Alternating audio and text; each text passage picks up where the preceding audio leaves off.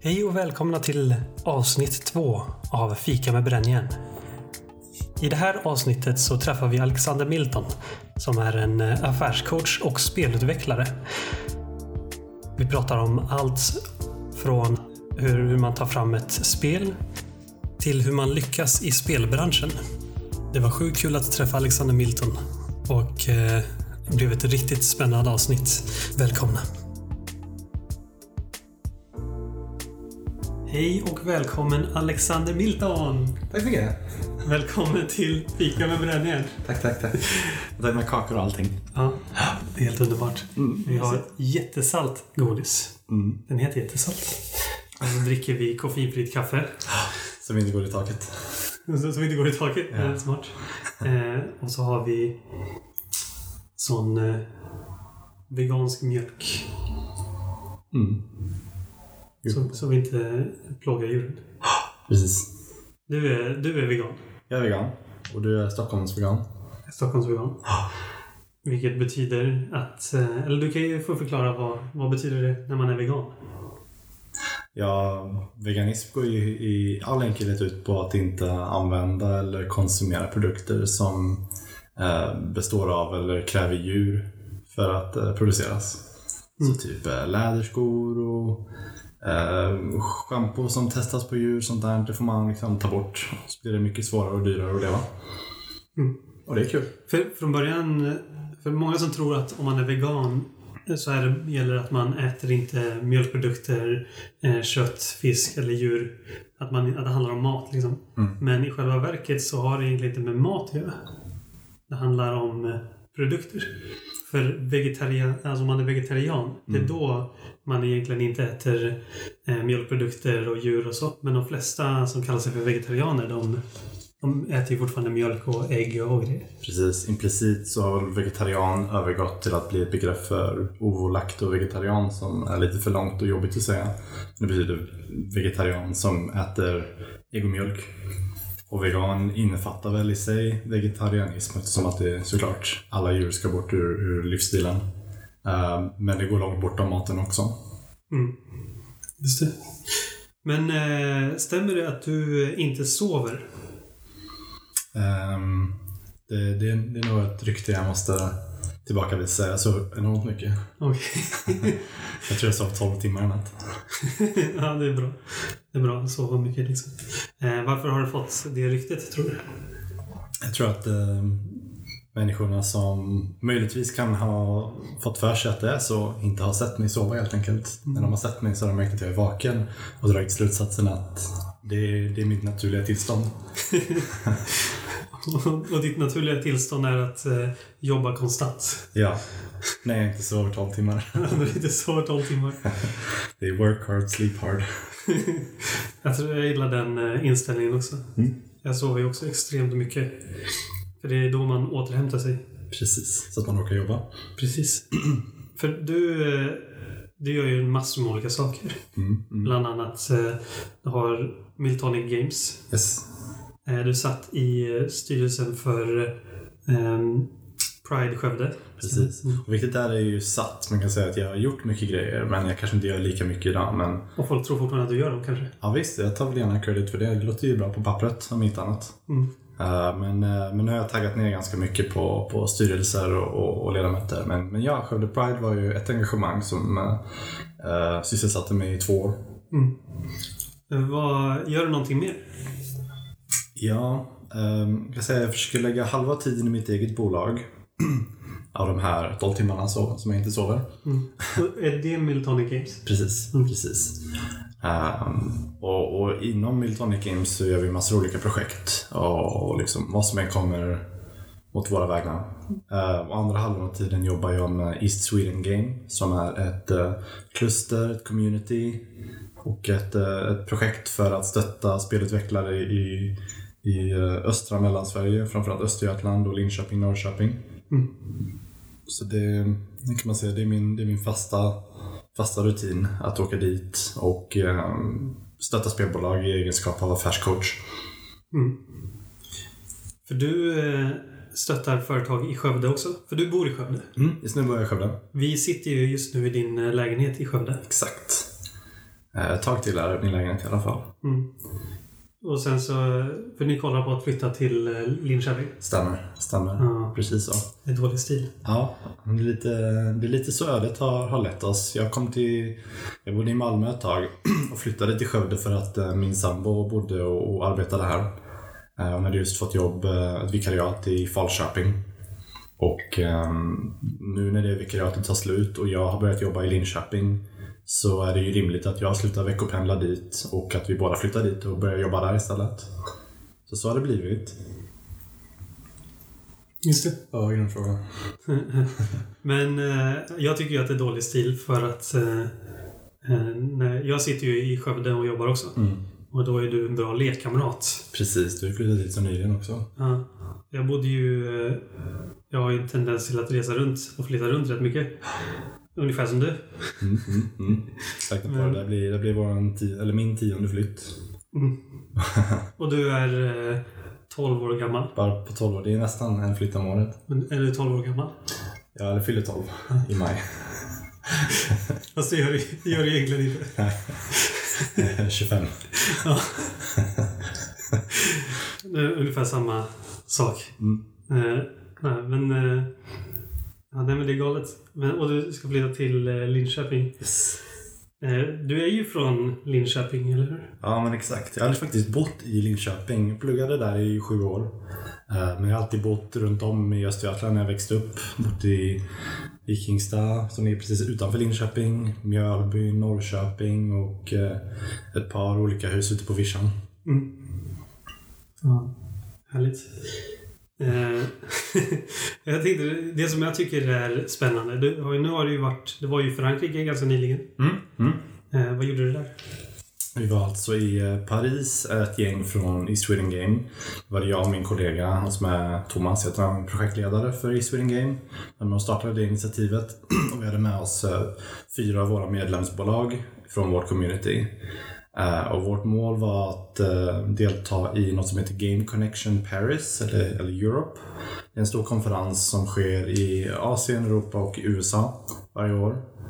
Eh, och, och målet är egentligen att skapa dealflow och hitta kontakter och nätverk och, och samarbetspartners inom spelindustrin. Olika vägar. Och vårt mål var framförallt att hitta eh, investerare och förläggare för våra medlemmar så att de kan få pengar och stöd till att släppa sina spel.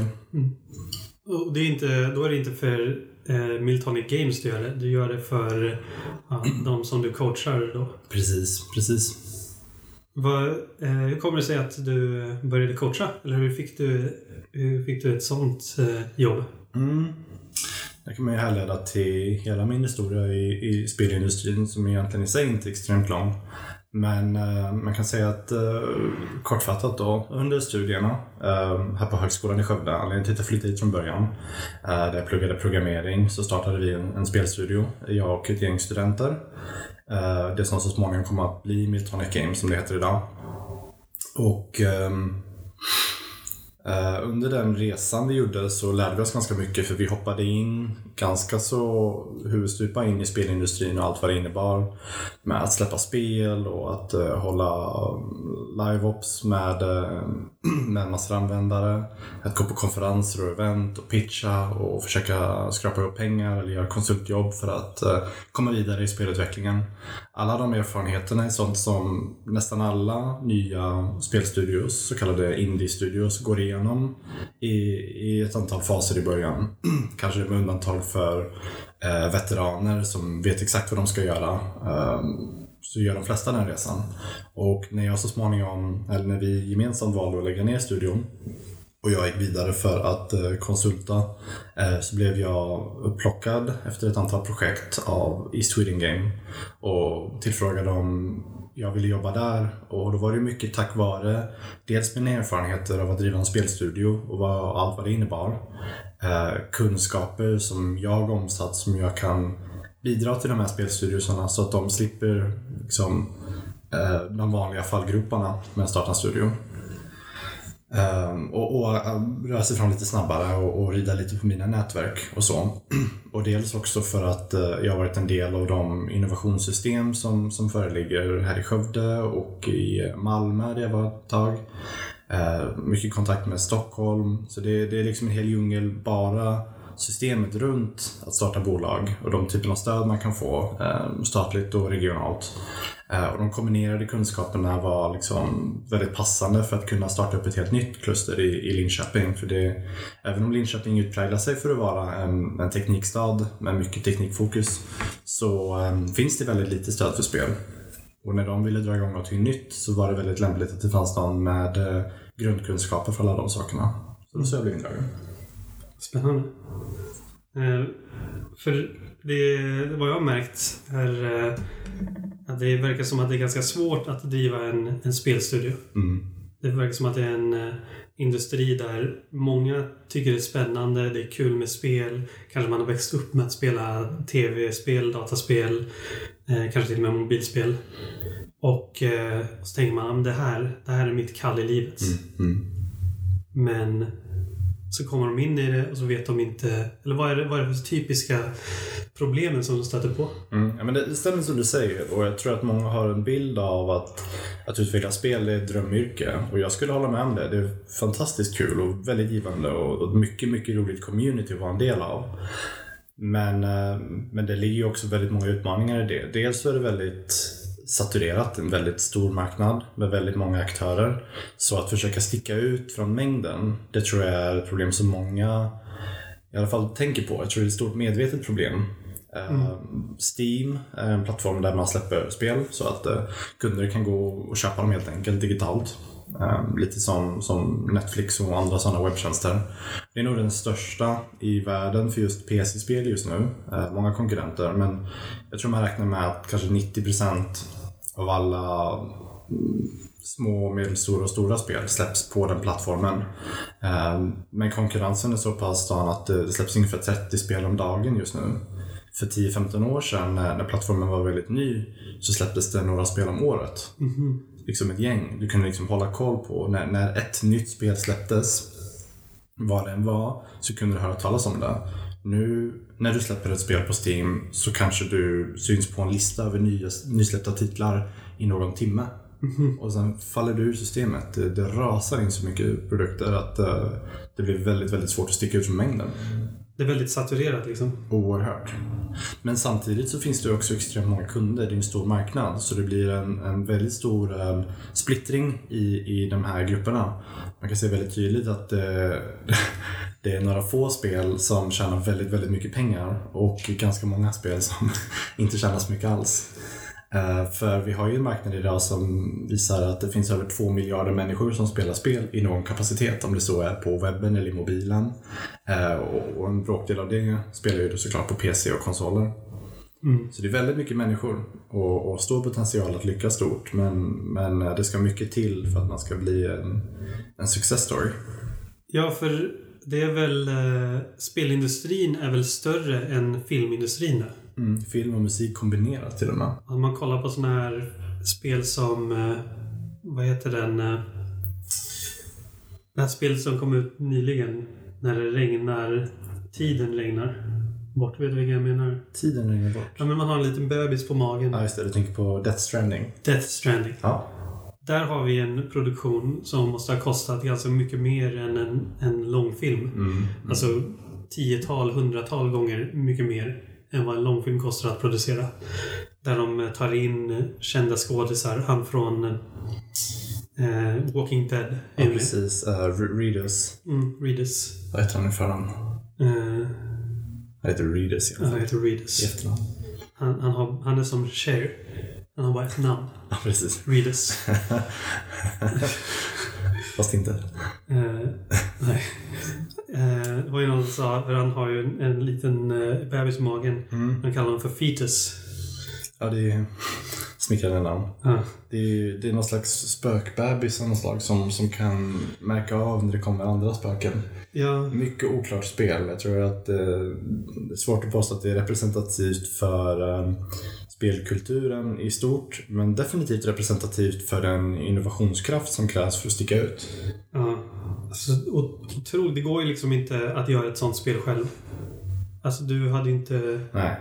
Det är så pass stort, det krävs så eh, kraftfulla maskiner, alltså datorer, för att kunna producera. Du behöver ett team med kreatörer, voice-over-artister. Och här, i det här fallet så är det ju kända skådisar som är voice-over-artisterna.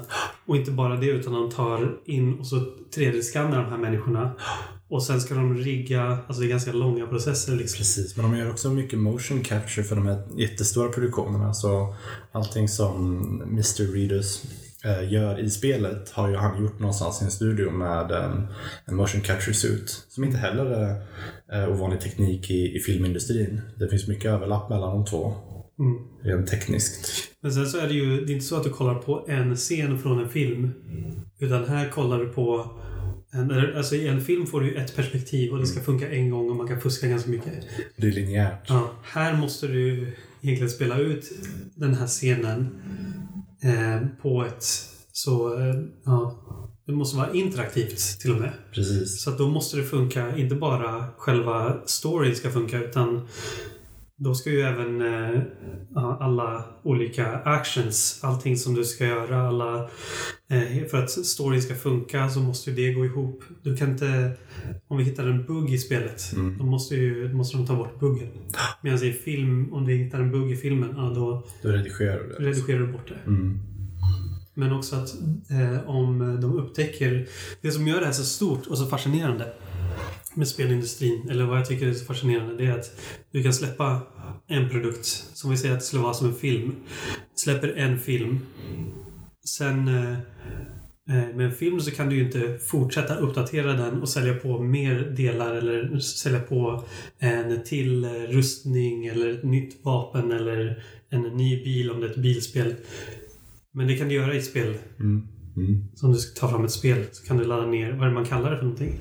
Ehm, mycket hänvisar väl till DLC, så downloadable DLC. content, extra material man kan, man kan köpa till. Ehm, helt klart. I, i, I film jobbar man väl mer med ehm, liksom att eh, återskapa samma grej. Du kanske får en director's cut eller kommentarer eller en extra lång oklippt version eller en ny kvalitet på bilden, eh, högre framerate och högre upplösning längre fram. Men, men det är ju på många sätt återanvändande av samma material och det ser vi också i spel. Vi kan se eh, en klassisk sådan är eh, Shadow of the Colossus som Just kom det. ut till Playstation 1 eller 2. Blev enormt populär och sen med varje ny generation av Playstation som släpps så har man återskapat grundspelet, tagit, utgått från grundmaterialet och skapat en gång till ehm, för att släppa det igen. Exakt samma story, exakt samma innehåll. Men det är så extremt uppskattat och älskat spel att folk vill gärna köra det igen fast med ännu högre upplösning och ännu finare bild. Just det. Det som är så spännande med spel också, det är att om du, om du tar fram ett spel, eller om man sitter och spelar ett spel, eh, jag gillar till exempel Portal 2, ett av mina favoritspel. Jag spelar inte så mycket spel för jag vet att jag, om jag skulle börja jag köpa ett Playstation eller, eller Xbox eller köpa en speldator, då skulle inte jag få något jobb gjort. För jag är så fascinerad. Alltså jag, jag älskar den här. Jag älskar storytellingen. Jag älskar eh, det här att liksom bara låsa sig i en, i en ny värld under några timmar. Precis. Men jag kan inte göra det för att om jag skulle börja låsa mig i en värld skulle jag aldrig kunna lägga ner. Nej, ja, det är svårt och det är en jobbig balansgång när man skapar spel. Mm. Att ehm, i, i den bästa av världar så spelar du spel, du spelar nya spel och du låter de intrycken driva din kreativitet i spelindustrin och din förståelse för spel. Mm. Ehm, men, men då finns det ju problemet då att om du jobbar med spel då kommer att spela spel kännas som jobb. Då är det ju, då är det inte, då är det inte verklighetsflykt eller, eller avslappning utan det är ju research. Det. Och det märker många på redan akademisk nivå att eh, de tycker det är tråkigt att spela spel. För det är det enda de gör i skolan, inte det enda de gör, men, men de gör det ju i, i studiesyfte. De kan inte... eh, Jag tror det är likadant om man, om man eh, går på konsert och man jobbar med, med ljud eller musik. Eller om man jobbar med film och, och tittar på film. Då sitter man och tänker på alla de små detaljerna. Vad skulle du ställa ut mikrofonerna? Eller hur använder du kameran i den här scenen? Och vilken typ av lins? Liksom allting blir en del av din jobbtillvaro. Och då är det svårt att ta sig hem, sätta sig i soffan eller framför datorn och dra på ett spel och bara njuta av det. Mm, Men samtidigt är det viktigt. Sen kan det gå åt andra hållet också. Du kanske fortfarande har en så brinnande passion för spel att du är, verkligen älskar att göra det. Men eh, när du väl spelar spel så kan du inte sluta för du tycker det är så kul. Mm. Och då får du inget annat gjort. Eh, och det där är, det där är intressant. Jag har... eh, Du vet ju vilka dupp är. Mm, mm, självklart. Och när man går på bio med dupp. Mm. Eh, jag ska säga först, de det är ju postproduktionsbyrå. Eh, eller en, en studio som gör eh, specialeffekter för filmer. Och de jobbar på ganska stora filmer. Så eh, om man går på bio med den så finns det en stor chans att de har jobbat på filmen. Mm. Men det tråkiga är att de, för dem så är det att gå på bio och se specialeffekter. Det är som att sitta och kolla på, på jobb. Liksom. Ja. De ser bara massa fel. Bara, där gjorde de fel, där är belysningen fel. Men de kan såklart eh, njuta av eh, hur fantastiskt bra jobbat eh, eller bra gjort en scen kan vara. Precis. Eller där använder de den här tekniken. Eller typ sitta och försöka räkna ut hur en scen är gjord. Är ju väldigt kul för dem säkert. Ja. Och när man kommer till den nivån, att, eller om man startar ett företag som är inom, eller jobbar med någonting inom det som man har passion för, det känns inte som att man jobbar alls. Precis. Det är ju alltid målet. Och jag tror att eh, där finns ju en diskrepans. Jag tror att eh, DUP och, och andra som jobbar i filmindustrin ser, de ser ju andra kvaliteter, andra värden och nöjen i film. Och njuter säkert av helt andra typer av filmer också. Kanske inte typer av människor som går på, på de nya, alltså varje ny Marvel-film. Jag vet faktiskt inte. De kanske tycker det är skitnice. Eller så tycker de att det, det är för blasé eller för, för enkelt för dem. Eh, De föredrar se på, på andra mindre, lite mer innovativa produktioner som jobbar med på andra sätt med mediet. Mm. Tittar man på spelindustrin så märker man tydligt att de, de största spelen som spelas är för ganska många spelutvecklare ganska ointressanta. Alltså de, de absolut största produktionerna det är ju Fifa och många av de stora sportspelen. Mm. Ehm, och i viss mån eh, stora krigsspel som, som Call of Duty eh, och Assassin's Creed. Och vi ser att eh, Eh, Fifa och liknande sportspel, jag, jag känner faktiskt nog ingen spelutvecklare som, som spelar det i någon nämnvärd mängd. Liksom. Det, det är inte ett intressant medie för dem. Det innehåller ingenting som är intressant för en annan spelutvecklare att, att utforska. Call of Duty kommer, kommer ganska ofta på tal, men då är det ofta på grund av något innehållsmässigt beslut som kanske har politisk betydelse eller en värderingsfråga eller en ideologisk fråga. Och då blir det en diskussion om vart branschen står. Eh, och, och samma med, med Battlefield. Och, och det är en stor skillnad på vad konsumenterna eh, verkligen tycker om. Och, och när jag hör om, om, om vänner och kollegor i branschen prata om och har hört talas om det här nya spelet eh, nämner jag det för, för en, en kompis som bara spelade då för nöjes skull så är risken ganska stor att de aldrig hört talas om det spelet. För det, det är ingenting som dyker upp i de stora kanalerna. Det är inte, det är inte ett mainstream-spel. Nej, just det. Och här, där vi sitter nu i Skövde. Eh, här är det ju väl många spelstudios. Mm, mm. Per, per capita är det ju en, eh, en enorm spelhubb. Det är en ganska liten stad men den fjärde största till antalet anställda och bolag om jag minns rätt i Sverige. Oj. Eh, Så eh, verkligen ett nav för, för spelutveckling. Mycket tack vare eh, skolan och alla de här många spelutbildningarna som finns. Eh, Och många av de andra satsningarna som gjorts på det regionala näringslivet. Mm. Och då kommer det ju ut väldigt många små eh, spel. Mm. Små produktioner. Men även de här som... Eh, några spel som har kommit ut som, som folk känner igen är väl eh, Goat Simulator. Mm. Mm. Passepartout är väl härifrån också. Absolut. Eh, det här spelet, nu vet inte jag om det kommer härifrån, men jag tror att det är ett svenskt spel i alla fall. Eh, hon, vad heter den? Eh, Misunderstood eller Miss eh, Unfortunate eller... Vet du vilket spel det är? Jag känner igen det men... Eh, Det kan heter säkert inte så. Eh, det, man är en liten flicka Ja, som... Eh, det är som peka och klicka-spel. just det. Och så börjar man i ens hem. Med, och föräldrarna är väl... Jag tror mamman står i köket men pappan får man aldrig se. Och så är det en sån voice-over Ja. som styr vad man gör för någonting. Och eh, det spelet, jag kollade på en video, en, en playthrough med en eh, så youtuber som brukar spela spel. Jag gillar att kolla på sådana. För då slipper jag göra, spela spelet själv. Jag kan pausa och så kan jag gå därifrån. Jag kan ha på det i bakgrunden och så kan jag jobba. Så det passar ju bra för mig. Liksom.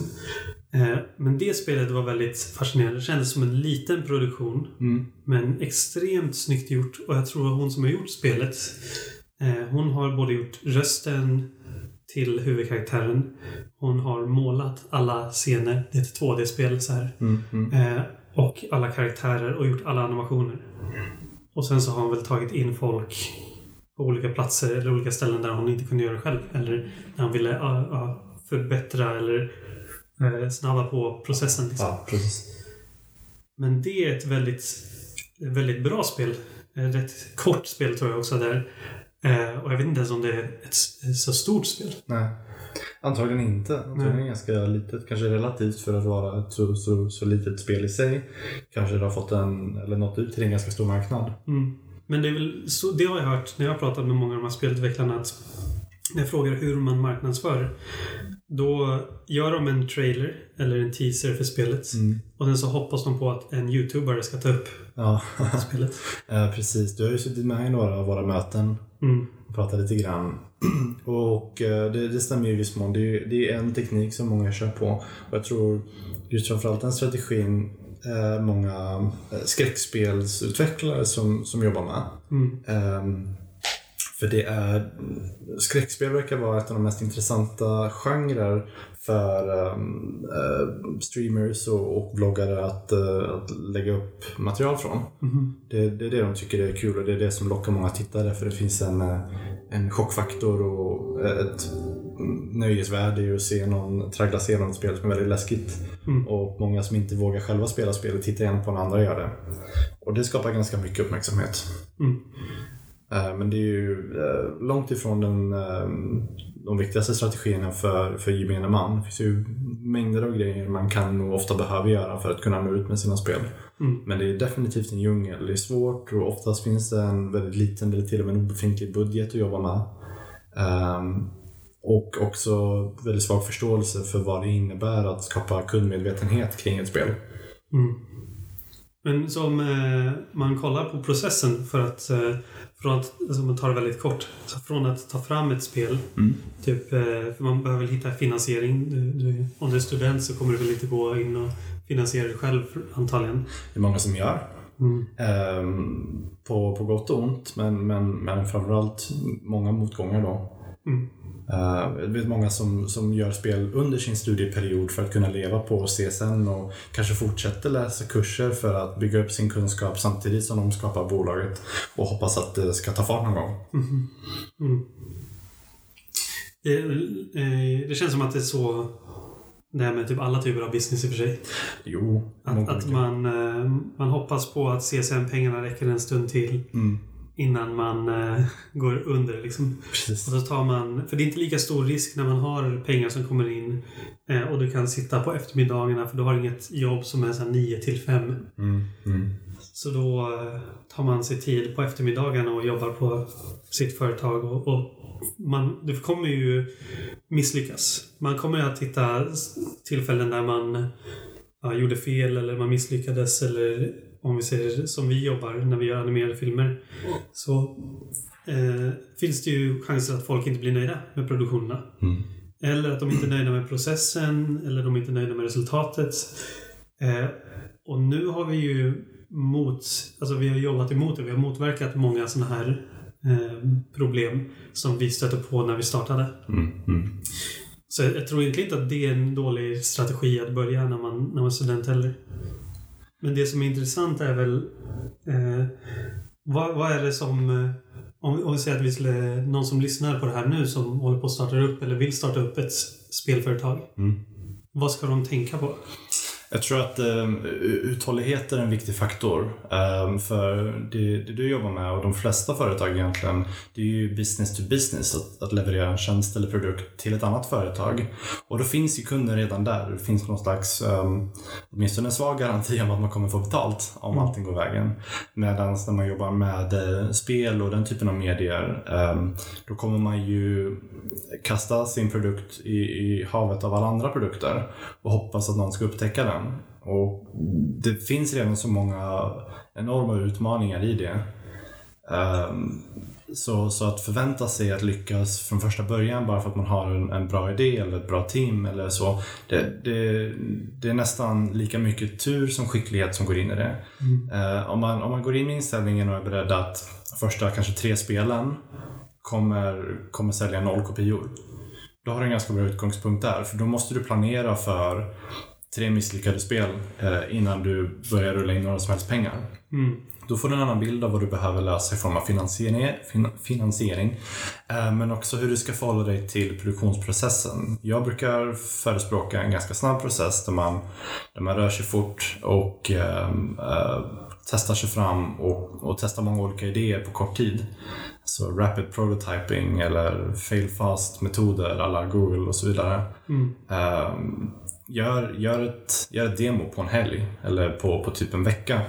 Um, släng ihop någonting och kolla, är det kul? Känns det bra? Försök visa upp det för folk och kolla vad, vad har de för reaktioner.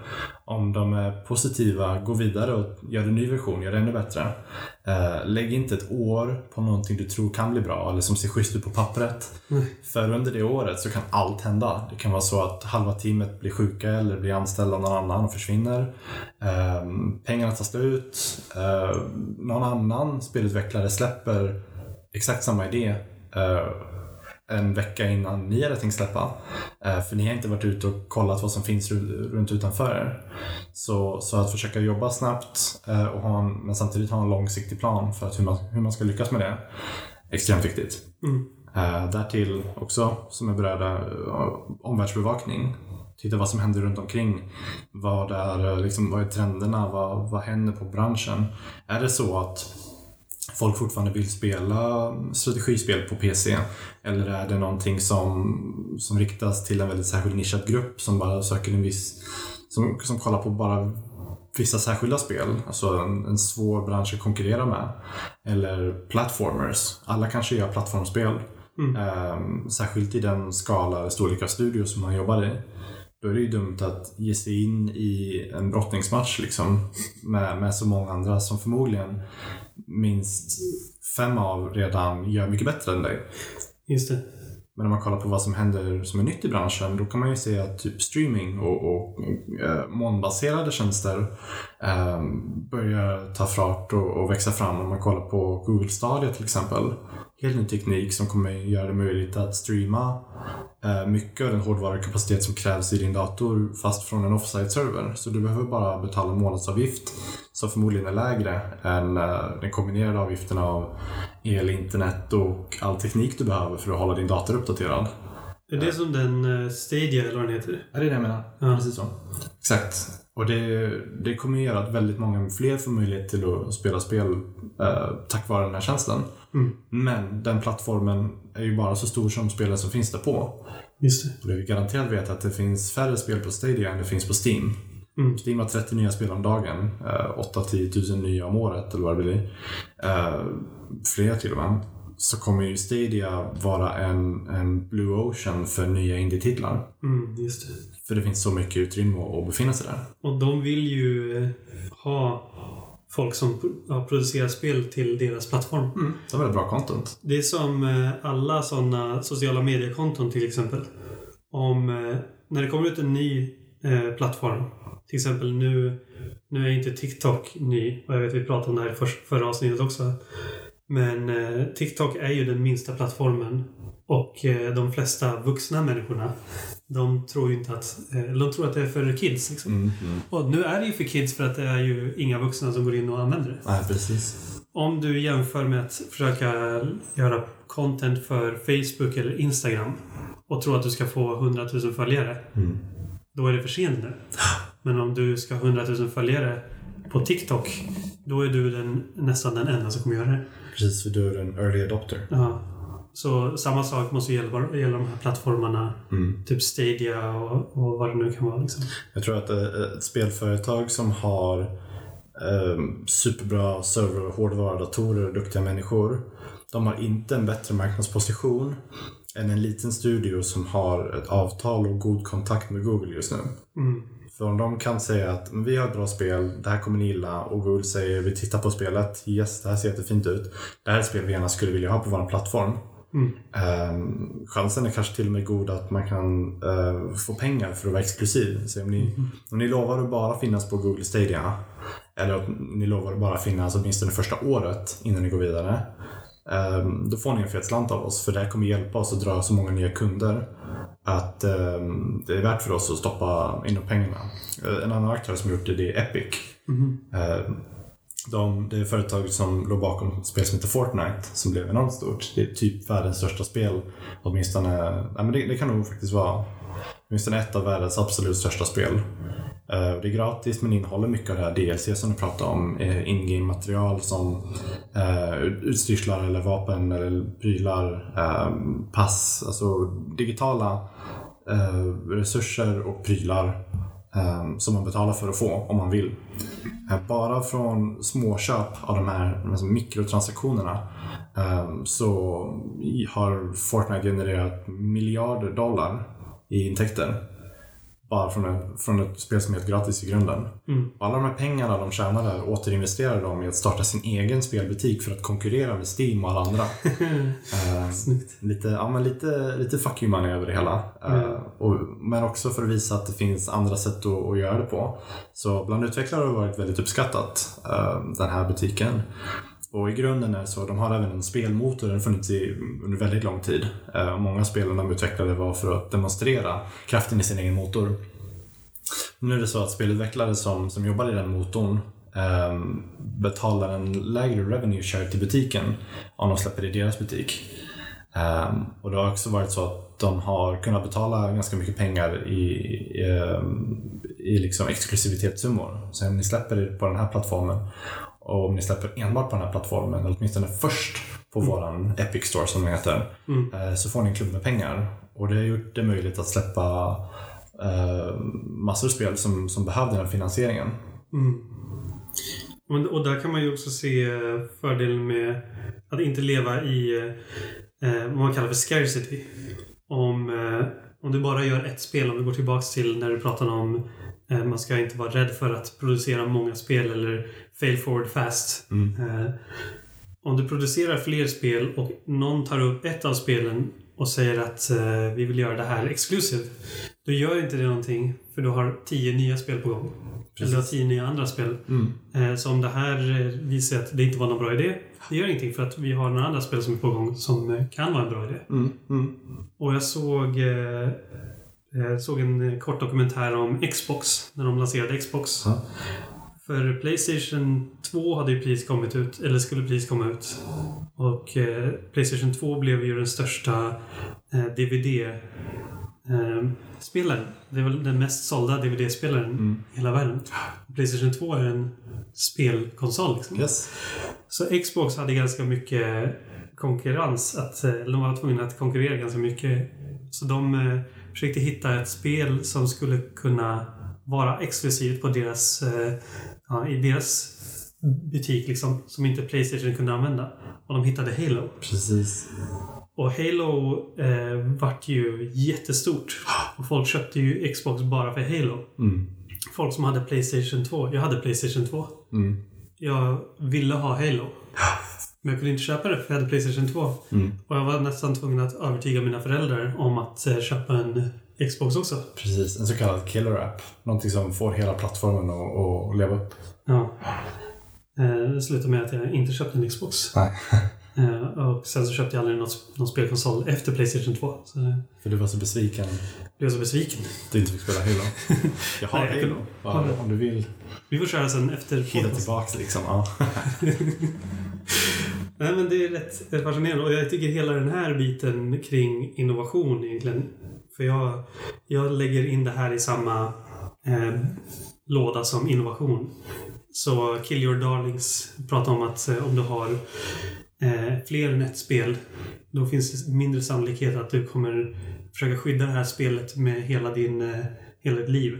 Så även om folk ger dig feedback på det, om du, om du säger att det här är din darling och du inte är redo att döda den. Om någon ger feedback på ditt spel, då kommer du inte lyssna på den feedbacken för du tycker att den är perfekt redan. Om eh, någon eh, säger att det här ska bli en exclusive, då säger du nej.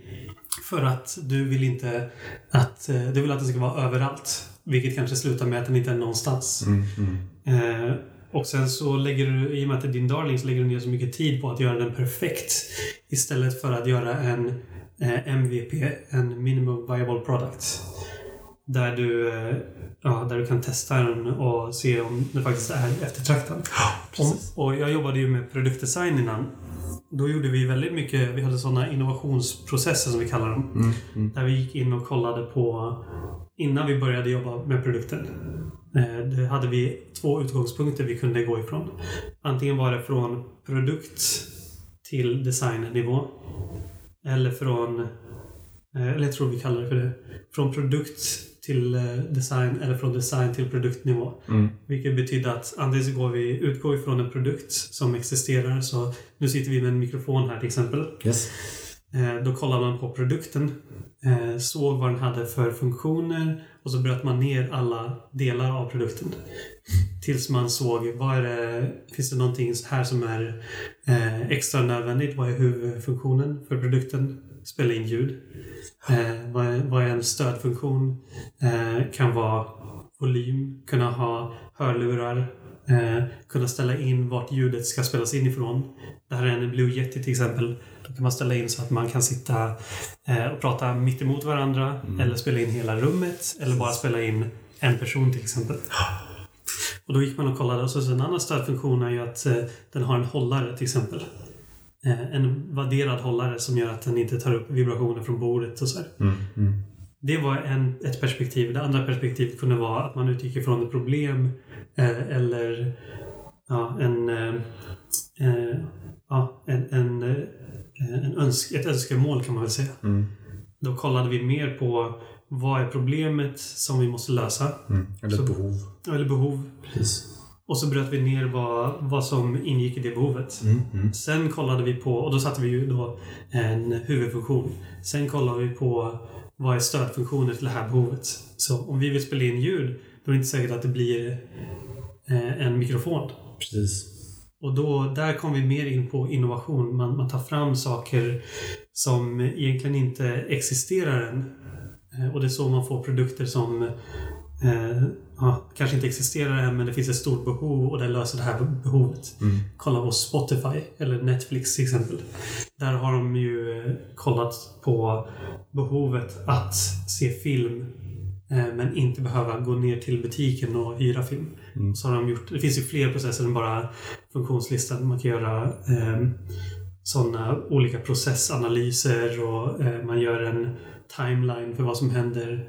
Man gör intervjuer och pratar med folk och ser vad de tycker om det här behovet. Eh, och då brukar man också ta upp, när det kommer till intervjuer eller vad folk säger. Eh, då brukar man ta upp det här att om någon, eh, om Ford hade frågat folk vad de ville ha för någonting så var det en snabbare häst. Precis. Eller en starkare häst. Yes. Så man måste verkligen lära sig läsa mellan raderna.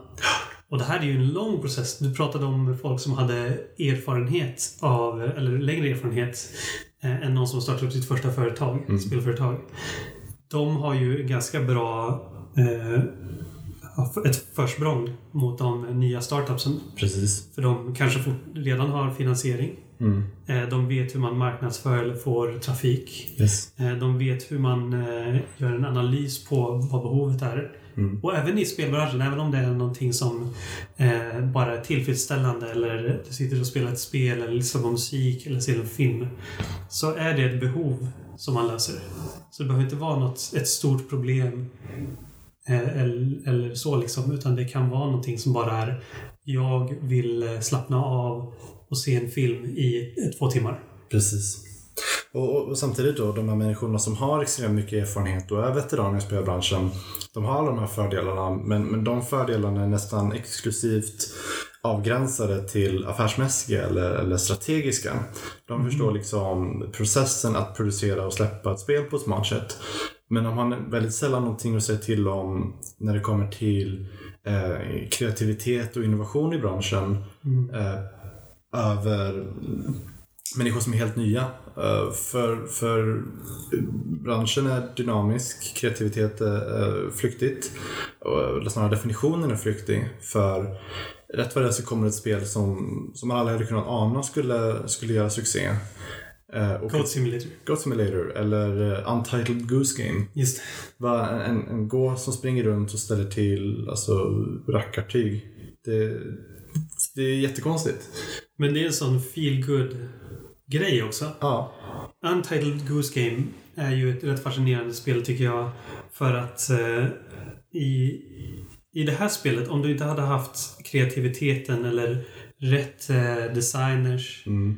eh, eller rätt eh, folk som kan animera sköna saker. Mm. Bra utförande. Ja. Men just det här, eh, någonting som inte går att förklara riktigt är saker som är sköna i spel. Yes.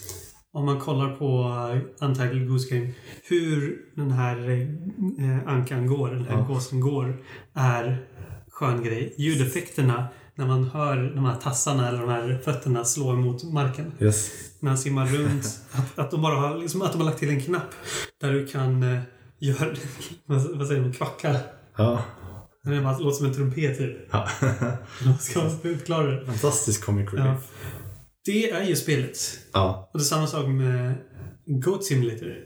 Och det här är sådana saker som du inte kan lära ut. Du kan inte... Du måste bara ha känslan för, för det. Och så måste du ha lite tur att du satt känslan. Du kan ha en vision för att du ska göra ett spel som är skönt, det är roligt. Eh, men så kan du missa det liksom totalt. Precis, och det är det som är den stora paradoxen med spelutbildningar. Jag läste ju spelprogrammering. Dataspelsutveckling, programmering hette min program. Um, och det gjorde ju inte mig till en bättre spelutvecklare, det gjorde mig till en duktig programmerare. Och innehållsmässigt så var inte det så enormt stor skillnad uh, som på en vanlig programmeringsutbildning eller övriga programmeringsutbildningar som fanns på samma skola. Det fanns ett enormt överlapp. Ehm, men, men fokuset var nischat mot de delar, eller det sättet man använder olika programmeringstekniska områden ehm, just inom spel. Men, men det påverkade ju inte mina kreativa förmågor eller min förmåga att förstå vad som eh, gör ett bra spel.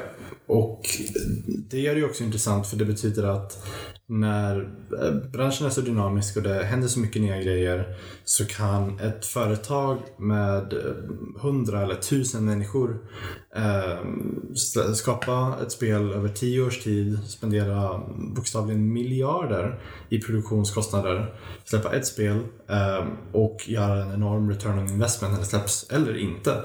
Det kan, det kan floppa även på den nivån men, men förutsättningarna är ganska goda för att man kommer tjäna massa pengar. Mm. Men så kan också en person som, så vitt jag vet, inte har någon nämnvärd utbildning eh, men bara är väldigt, väldigt passionerad, kreativ och har den här känslan för vad som är schysst och nice i ett spel. Eh, det finns en person som eh, han- jag glömde vad han kallas. Han, går efter sitt uh, nick ganska ofta. Typ eh, Confused Ape eller något sånt där. eller Hungry Ape. Jag minns inte. Eh, men det, det är en ensam kille som satt hemma på kammaren eh, i fyra år. Och inte gjorde något annat än att, att knacka kod för sitt eget lilla spel. Byggde det från grunden upp. Och eh, det blev ett fantastiskt mysigt litet spel om en person som ärver en gård. Ehm, det är pixel art så det ser väldigt klassiskt och arkadigt ut men det är färggrant. Så man kommer till den här gården ehm, och du får hugga ner gamla träd och hugga bort sten. Och så långsamt så bygger du upp en liten gård. Du skaffar kor och, och, och höns eh, och odlar grönsaker och blommor. Och så lär du träffa alla människor i staden. Bli kompis med dem. Du lär dig fiska och du letar efter skatter och du utforskar gruvor. Det händer väldigt mycket grejer. Det, det är ett enormt spel eh, i, i ehm, säga, i, i, i det perspektivet att man kan spendera väldigt mycket tid där. Du kan lägga många timmar utan att ha spelat igenom allt material. Eh, medans eh, de kan, den är ju inte jämförbar med de här megaproduktionerna. Men det här spelet då i fråga som heter Stardew Valley har ju sålt enormt många kopior. Det har ju varit mer lyckosamt än många av de här AAA-produktionerna som vi kallar dem, de här jättespelen. Eh, och Det var en ensam person och de säger return investment per capita blir ju oproportionerlig. Mm. Det är ju helt makalöst. Och, och det säger ju bara att eh, förutsättningarna som man kan påverka blir ju nästan irrelevanta när mycket kommer ner till en persons eh, känsla och passion. Ja. Just det. Har, har han gjort fler spel? Så innan, innan han lyckades med den här? Jag tror inte det. Jag tror att han kanske, in, kanske någonting som inte var på kommersiell nivå, bara små grejer. Det är inte ovanligt att folk har lite små projekt. Mm. Men, men allt jag har hört att den här personen var ensam, eh, byggde det här spelet, blev klar med det, eh, träffade en publisher som, som delade lite deras stil. Mm. Eh, och den publishern hjälpte, dem då, eller hjälpte honom att, att göra klart och släppa spelet. Var det den här eh, filmen, för det var någon animerad film som hade som trailer. Som Brick gjorde. Jag vet inte om det var för det spelet. Mm, Det var en finns ju- jättesnygg eh, animation ja. som gjordes. Eh, jag vet i alla fall att Brick gjorde en animation för ett spel. Som eh, de också var på en gård. Mm. Det kan vara den. Och ehm, var det typ Atomic Ropes? Ja, det kanske var den. En väldigt fint animerad film om, eh, om en gård fast det, det är postapokalyptisk också. Ja, Så det, pumporna lever och slåss tillbaks. precis. Eh, det, det, är, det är ett annat spel. Det är faktiskt eh, förlagt av en eh, svensk publisher om jag minns rätt. Det är Raw Fury. Mm. Inte säga för mycket. Men, eh, men också fantastiskt. Jag tror att Tommy Crops drog mycket inspiration från Stardew Valley. Det, det var ju ett ensam litet spel som fick så mycket uppmärksamhet att eh, många ville ta efter och, och leva vidare i den genren. Mm, Stardew Valley var självklart inte först. Eh, Det bygger på spel som Harvest Moon eh, och spel som var kanske mer populära i Östasien. Mm. Men, eh, men har kommit tillbaka ännu mer och fått en större fotfäste i västvärlden efter Stardew Valley. Just det. Mm. Eh, Jag skulle behöva gå snart. Ja, Så vi skulle kunna avrunda. just det. Jag har... Eh, jag måste hämta tvätt. Men det, det var ju kul att komma förbi och köra en, en snabb podcast. Det Ja. blev nästan en timme. Ja, roligt. Det var Ja. kul att snacka spel med dig. Ja. Det som jag tycker är mest intressant är ju eh, hur folk...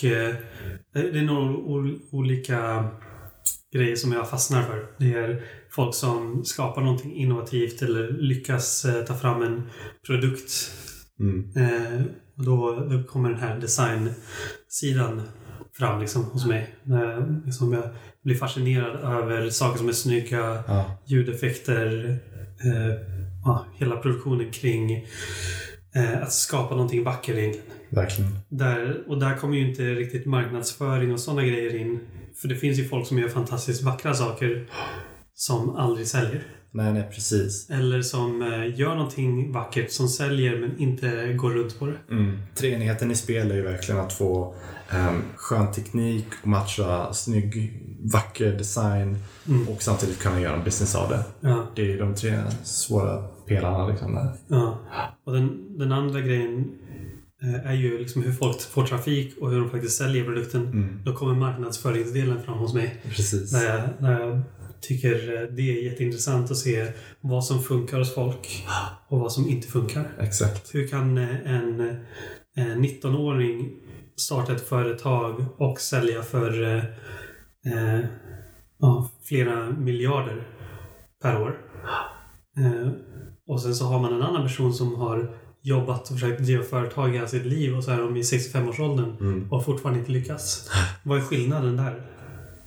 Och det är inte alltid väldigt uppenbart. Nej. Det kan vara någon som har haft fantastiska produkter. Eh, Det kan vara så bra design. Eh, Det finns ett behov bakom det. De har skapat trafik. Men de har fortfarande inte lyckats. Precis. Och sen så kommer den sista biten eh, fram och det är automatisering. Och vi kommer inte in på det här. Jag skulle vilja prata mer om det. Men Mm. Hur man... Eh, för att göra ett spel, det är mycket kreativitet, det är mycket programmering eh, och det, det känns som att man måste sitta på ett kontor i, eh, ja, i Skövde i det här fallet Mm. Mm. och producera i typ ett halvår åtminstone innan man vet om det funkar. Och det är bara ett spel. Och sen ska du göra det för många spel. Exakt. Så jag vet ett, eh, jag tar lite snabbt, men jag vet ett, ett animationsföretag eh, som sitter helt, hela deras team sitter i Thailand. Mm. Eh, och jag tror det är två svenskar som har åkt till Thailand. Och så har de eh, skaffat ett team i Thailand med animatörer. Eh, och så har de eh, skaffat ett kontor. Och så har de eh, 30 animatörer som sitter på det här kontoret och de själva sitter där också. Det är väldigt intressant för där har du ju samma talang. Samma typ av talang. Fast, eh, och de sitter på ett kontor, de har fantastiskt bra utrustning, datorer och alltihopa. Och allting är inhouse. Bara det att inhouse är i Thailand. Ja, precis. Och så kan de producera saker på svenska och så här för de har ju fortfarande, de är fortfarande svenskar. Liksom. Mm, mm, mm. Jag tar alla samtal på svenska och allt möjligt. Det skulle vara intressant att prata om nästa gång. Yes. Eh, om hur man kan göra det för spel. Mm, mm. Eh, och vill du säga någonting? Har du någonting som du vill pitcha? Oj, nej men, men jag tror att jag delar din, din glädje och fascination för eh, spel och entreprenörskap och hur de kreativa näringarna eh, forceras in i, i den här marknadsföringens och, och eh, marknadskunskapens värld. Att eh, se hur kreativa, duktiga människor eh, tvingas lära sig förstå om, om världen, konsumtion och, och hur beteenden fungerar. Det tror jag är en så... Det är en extremt intressant upplevelse. Och, och jag tror det, det öppnar ögonen för många och hur världen funkar. Och i och med att vi är så pass bra på det i Sverige, rent generellt, att, att lära oss att förstå och dela med oss av kunskap. Lite som du och jag som sitter här nu och berättar om vad vi vet och, och förhoppningsvis så kan andra höra det. Eh, på samma sätt så utvecklar det alla de här kreativa industrierna och gör att vi kan gå vidare och göra det bättre och smartare i framtiden. Och jag personligen tycker det är ett enormt privilegium att vara med på de resorna i mitt jobb som, som coach och konsult. Mm. Det tycker jag är kul. Det är spännande. Om någon vill ta kontakt med dig. Mm. får de jättegärna göra det. Ehm, man, kan, man kan skriva till mig på Twitter. Där heter jag @spelalex. Uh, eller så kan man dra ett mail till mig på alex@miltonic.games. Det är min mailadress. Eh, och så svarar jag jättegärna så snart som möjligt. Mm. Kul. Mm. Eh, och som vanligt om eh, ni har några frågor som ni vill att vi ska ta upp i podden. Då får ni ju gärna mejla mig eh, på karl.brandjan.se och Karl stavas som vanligt med C. Med C. All right. Tack för att du kom till podden Milton. Eh, och vi eh, får väl se om vi spelar Halo. Eller om jag måste sticka iväg och hämta min tvätt. Yes. Tack så mycket Kalle. Med C. Hej då. Hej då.